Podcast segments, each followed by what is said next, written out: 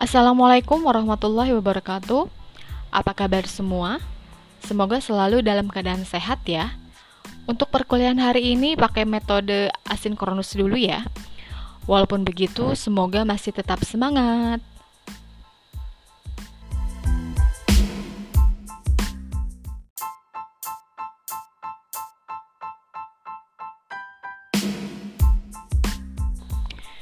Untuk perkuliahan hari ini, materi yang akan dipelajari adalah perulangan, percabangan, dan array pada Java.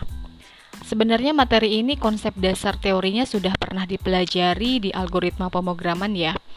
Bedanya, sekarang kita mempelajarinya di bahasa Java. Jadi, mari kita review kembali konsep dasar teorinya.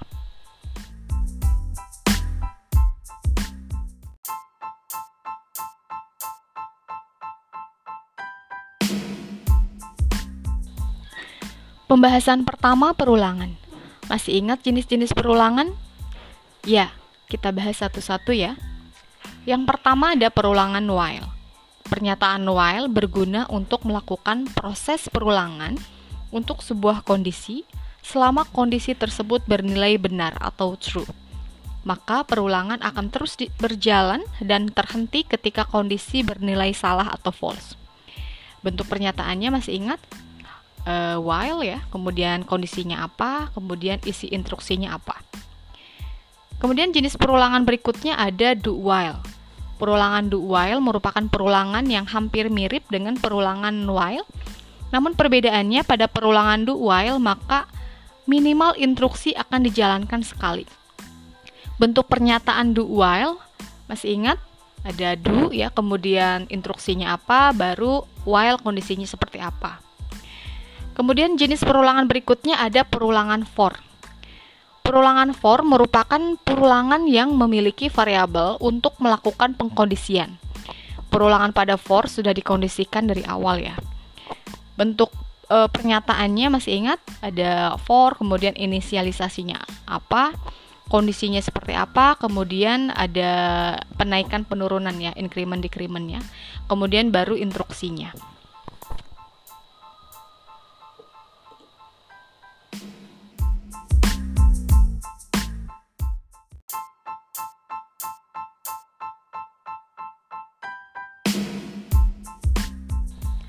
Pembahasan kedua mengenai percabangan. Masih ingat jenis-jenis percabangan? Ya, kita bahas satu-satu ya. Yang pertama ada percabangan if. Pernyataan if ini merupakan salah satu bentuk pernyataan yang berguna untuk mengambil keputusan terhadap sebuah kemungkinan.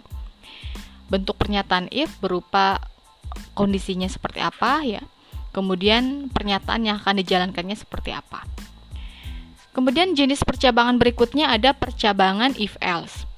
Percabangan if else merupakan percabangan yang sama dengan percabangan if namun memiliki kondisi false. Artinya apa?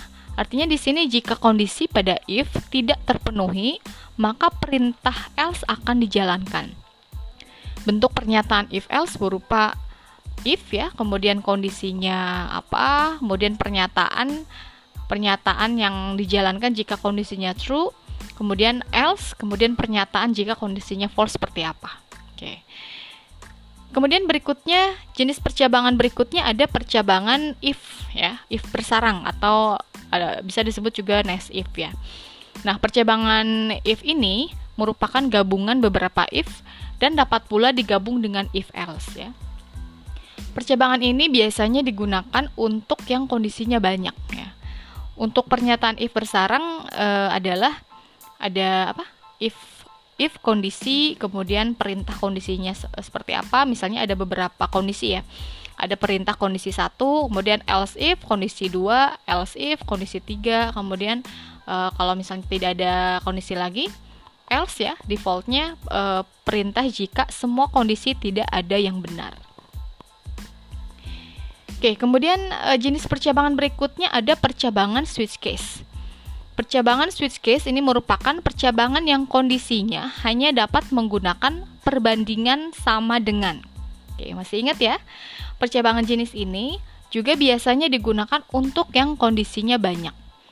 Untuk e, pernyataan percabangan switch case, masih ingat? switch uh, switch kemudian uh, variabel ya variabel satu kemudian variabelnya apa ya? Case uh, nilai satu kemudian ada case nilai dua case nilai tiga. Ini kondisi-kondisinya ya. Kemudian jalankan instruksinya apa.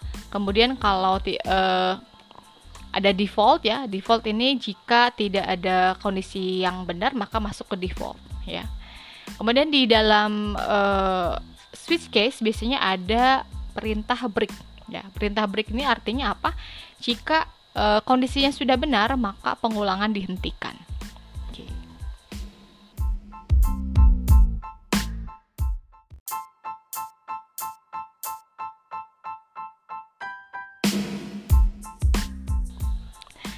Pembahasan terakhir ada array. Masih ingat apa itu array? Ya, array adalah sebuah struktur data yang terdiri atas banyak variabel dengan tipe data sama di mana masing-masing elemen variabel mempunyai nilai indeks. Setiap elemen array mampu untuk menyimpan satu jenis data atau variabel. Array, array ini juga merupakan sekumpulan objek yang memiliki tipe data yang sama dan dapat diakses secara random dengan menggunakan indeks. Array mempunyai panjang yang tetap ya. Artinya ketika kita mendeklarasikan suatu array dengan panjang 10, maka array tersebut panjangnya akan tetap 10 walaupun kita hanya memakai 5 elemen saja.